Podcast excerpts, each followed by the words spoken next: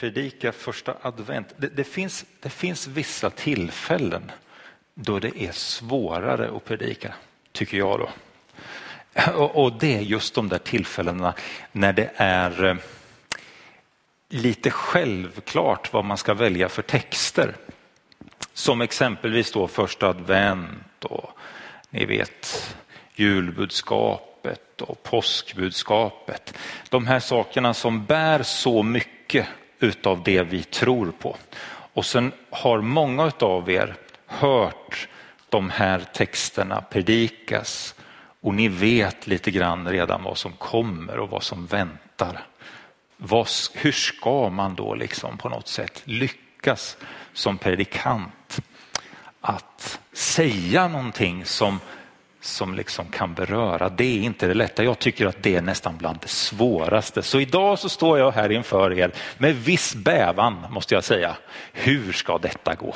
Hörrni, eh, hörni, innan jag börjar predika så skulle jag bara vilja att vi samlar oss i bön eh, för en, eh, en ung man som har varit med i en trafikolycka. Och vi ska be för, för honom att han får minnet tillbaka och att allt ska gå väl med honom. Så vi ber tillsammans för den här mannen. Herre, tack för att du känner den här mannen, Herre Jesus, och du vet vad det är som har hänt. Tack för att du ser hans familj, du ser hans fru och du ser deras barn, Herre Jesus. Nu, nu lägger vi de här i dina händer, Herre Jesus, och vi lägger mannen, Herre, i dina händer och vi ber dig om, Herre, att du ska finnas vid hans sida. Herre, ta hand om honom och i Jesu namn så ber vi om att du ska göra så att han blir fullkomligt frisk eh, och får minnet tillbaka och allt fungerar som det ska, Herre. I Jesu namn. Amen. Ja, ni hörde ju förut berättelsen om lärjungarna och Jesus som är på väg upp mot Jerusalem. Det är ju så här att Eh, de har ju varit på en resa från Jeriko och är nu på väg upp mot Jerusalem. Jag vet inte, eh, har, hur många är det som har varit i Israel någon gång? Ja, ganska många, men inte riktigt alla. Men eh, ni som har varit i Israel, ni vet då att det är, ju, det är väldiga höjdskillnader. Eh, det är ju ett väldigt varmt klimat, det är ökenlandskap, mycket utav det. Och så finns det vissa, vissa delar som också är grönskande. Eh, men här så är det ju så här att Jeriko, det är en av de lägst belägna städerna som finns i världen. 250 meter under havsytan ligger Jeriko, alltså väldigt långt ner. Och sen ligger då Jerusalem ungefär 800 meter över havet. Det är alltså mer än en kilometer i höjdskillnad mellan de här två städerna och så ligger de bara ungefär två mil ifrån varandra. Och då inser man ju att det är en enorm stigning om man ska gå från Jeriko och upp till Jerusalem.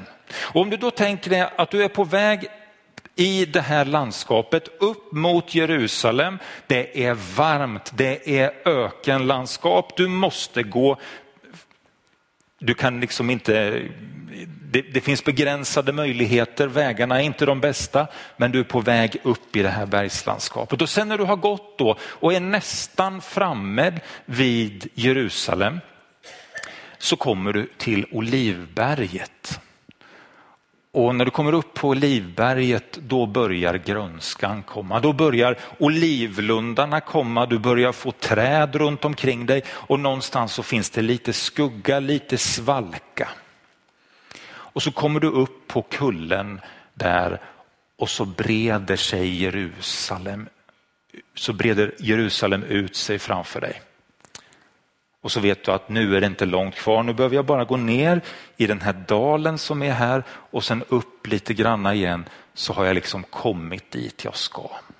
Du vet den här resan som, som de är på väg att göra här nu då, Jesus och hans lärjungar, det är en resa som i stort sett alla som bodde i Israel gjorde på den här tiden. Och man gjorde den vid flera tillfällen. Man, man sa att man låt oss gå upp till Jerusalem och så gick man dit för att man skulle ha olika, fira olika högtider. Och den här högtiden som skulle firas just nu när, när Jesus och lärjungarna är på väg upp dit, det är ju påsken som ska firas. Eh, och då fylls hela Jerusalem med mängder av människor och man kommer dit därför att där finns templet. Där finns den här byggnaden där Gud har lovat att han ska finnas med sin närvaro i det allra heligaste.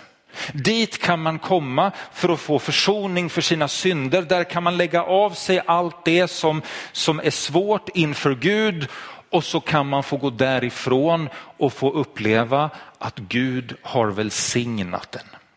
Den enda platsen på jorden som det går att komma nära Gud på den här tiden. Det är där han är, ingen annanstans. Så därför är det så enormt viktigt för de här människorna att få gå upp till Jerusalem, få gå dit för att få hylla Gud, för att få ära honom och för att få lägga ner sina liv än en gång inför honom.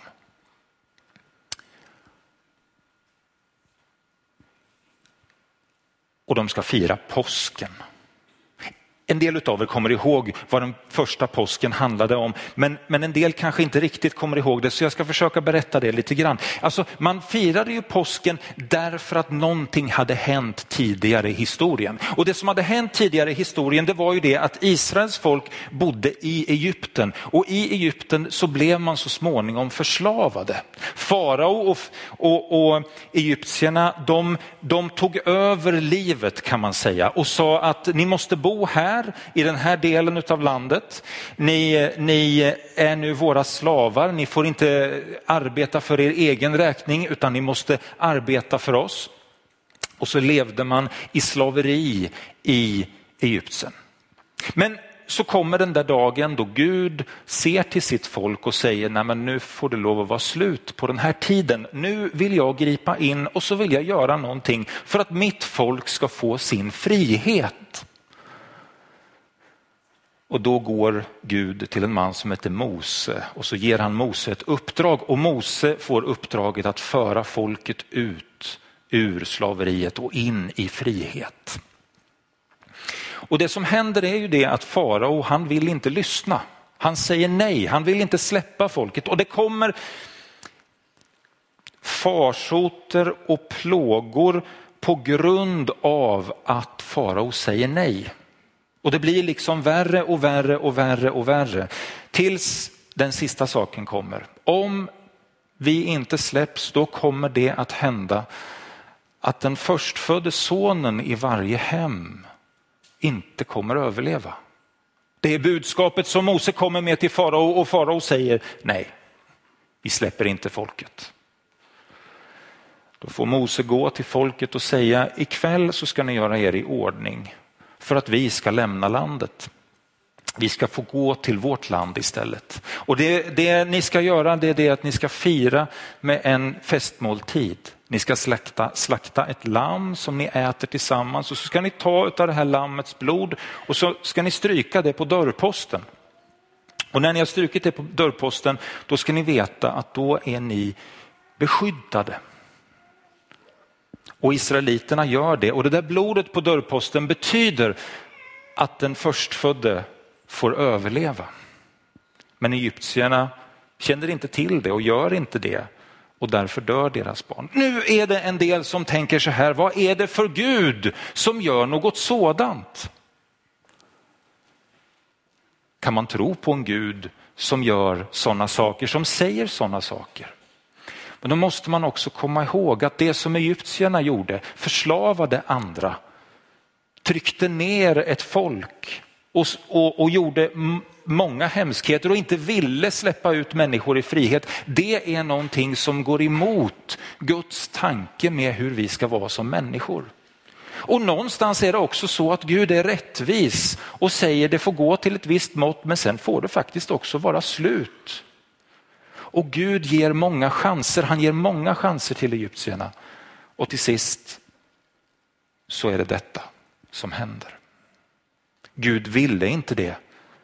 Men på grund av att farao tog de beslut som han gjorde så ledde det fram till det. Okej, påsken, lärjungarna, Jesus, de går upp till Jerusalem för att fira detta.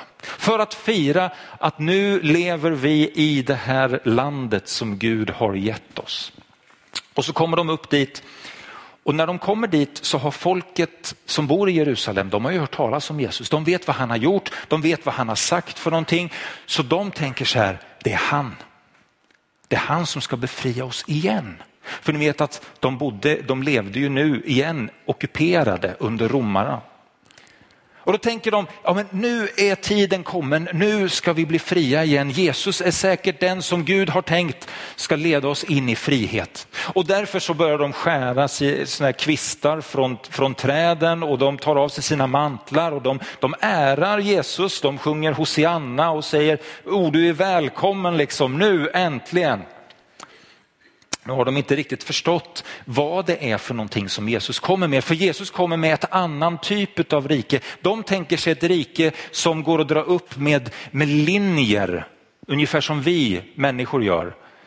Vi tänker oss länder och vi tänker oss folkgrupper. Men när, när Gud tänker Guds rike så är det inte begränsat utav, utav Eh, nationella gränser eller etniska folkgrupper utan när Gud tänker Guds rike och sitt rike då tänker han det ska vara för alla.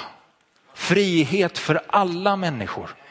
Och det är det som Jesus kommer med. Men, men, men människorna där förstår inte riktigt det. Och därför så leder det sen också fram till att Jesus dör på korset för oss.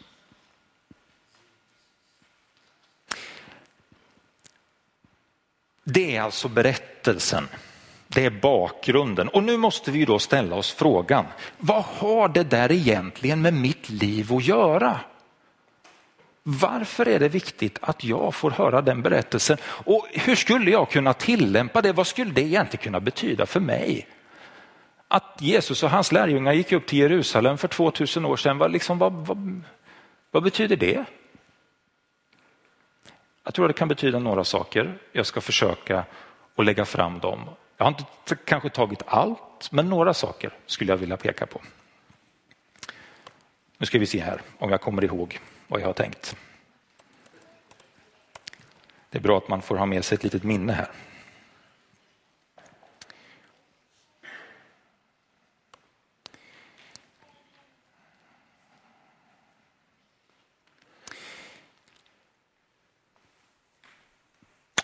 För det första så kan man ju säga så här att den här berättelsen om hur de går ifrån Jeriko och upp till Jerusalem är en ganska bra bild för livet i stort och livet med Jesus. Nog är det så att livet som vi är på väg igenom kan liknas via en res, som en resa. Och den där resan är många gånger ganska knepig och svår.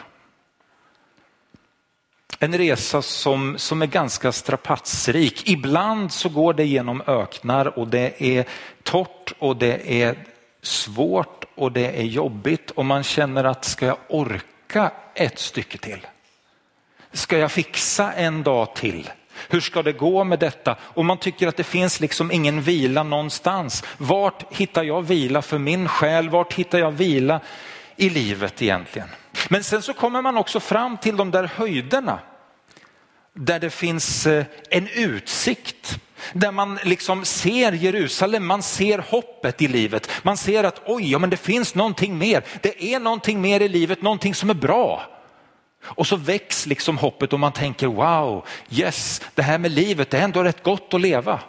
Och ibland så får du komma in i livsresan från en öken och in i skyddat område där det finns skugga för dig, där du får slå dig ner ett litet tag, där det rinner lite levande vatten och du dricker lite grann och du får känna lugn och ro.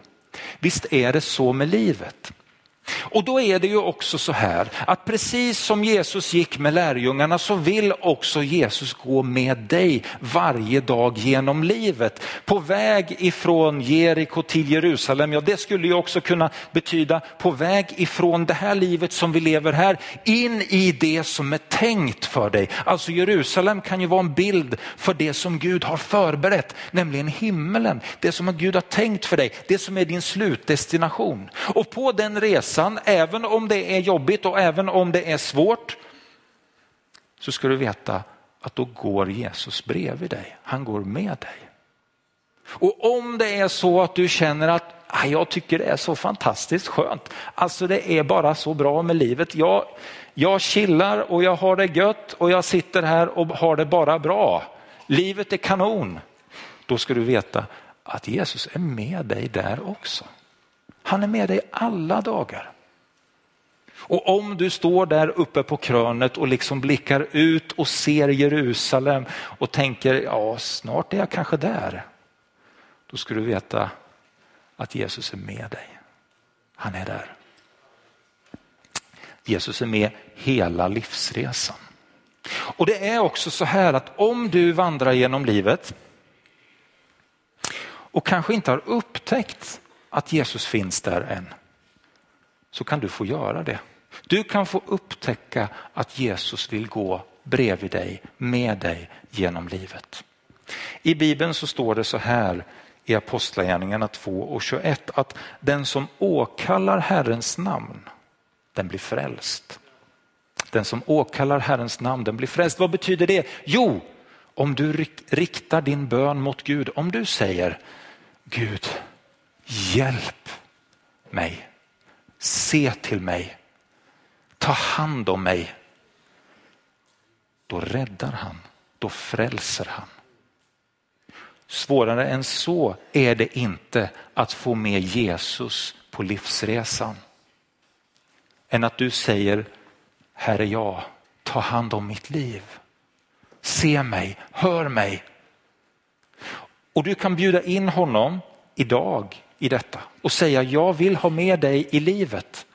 Och om du gör det för första gången så ber vi tillsammans sen här efteråt när vi sjunger några sånger tillsammans. Du är välkommen fram när vi har förbön och kanske är det så då att du vill ha hjälp med den biten. Då vill vi hjälpa dig med det. Vi vill be för dig och vi vill vägleda dig fram till ett liv tillsammans med Jesus. Och är det så att du sitter här idag som känner att ja, men jag har vandrat med Jesus hela livet men just nu så känner jag inte att han är med mig. Jag vet inte var han har tagit vägen någonstans då är du också välkommen fram. Så ber vi tillsammans och så kan du få styrka ifrån honom för han vill möta med dig. Men så vill jag säga en sak till. När folket såg Jesus komma så gjorde de någonting som var väldigt rätt. De såg nämligen Jesus som kungen. De gjorde någonting som var rätt. De la ner sina liv, sina mantlar, de gav sin ära till Jesus. Och om du tror på Jesus så vill jag fråga dig, ställa en fråga till dig. Hur ärar du Jesus med ditt liv och i ditt liv? Hur tar du emot honom när han kommer till dig? Tar du emot honom som kungen som bestämmer över ditt liv? Som råder över ditt liv? Eller hur möter du honom? Ibland tycker jag att vi blir lite granna så här att vi handskas med Jesus som att, ja men, du vet att nu behöver jag det här, Jesus. Så nu är det bra att du svarar på mina böner. Eller, nu tycker jag att du borde göra det här. Och visst får vi komma med våra tankar till honom. Visst får vi komma med allt till honom, det får vi göra. Men först och främst måste vi också inse att han är kungen.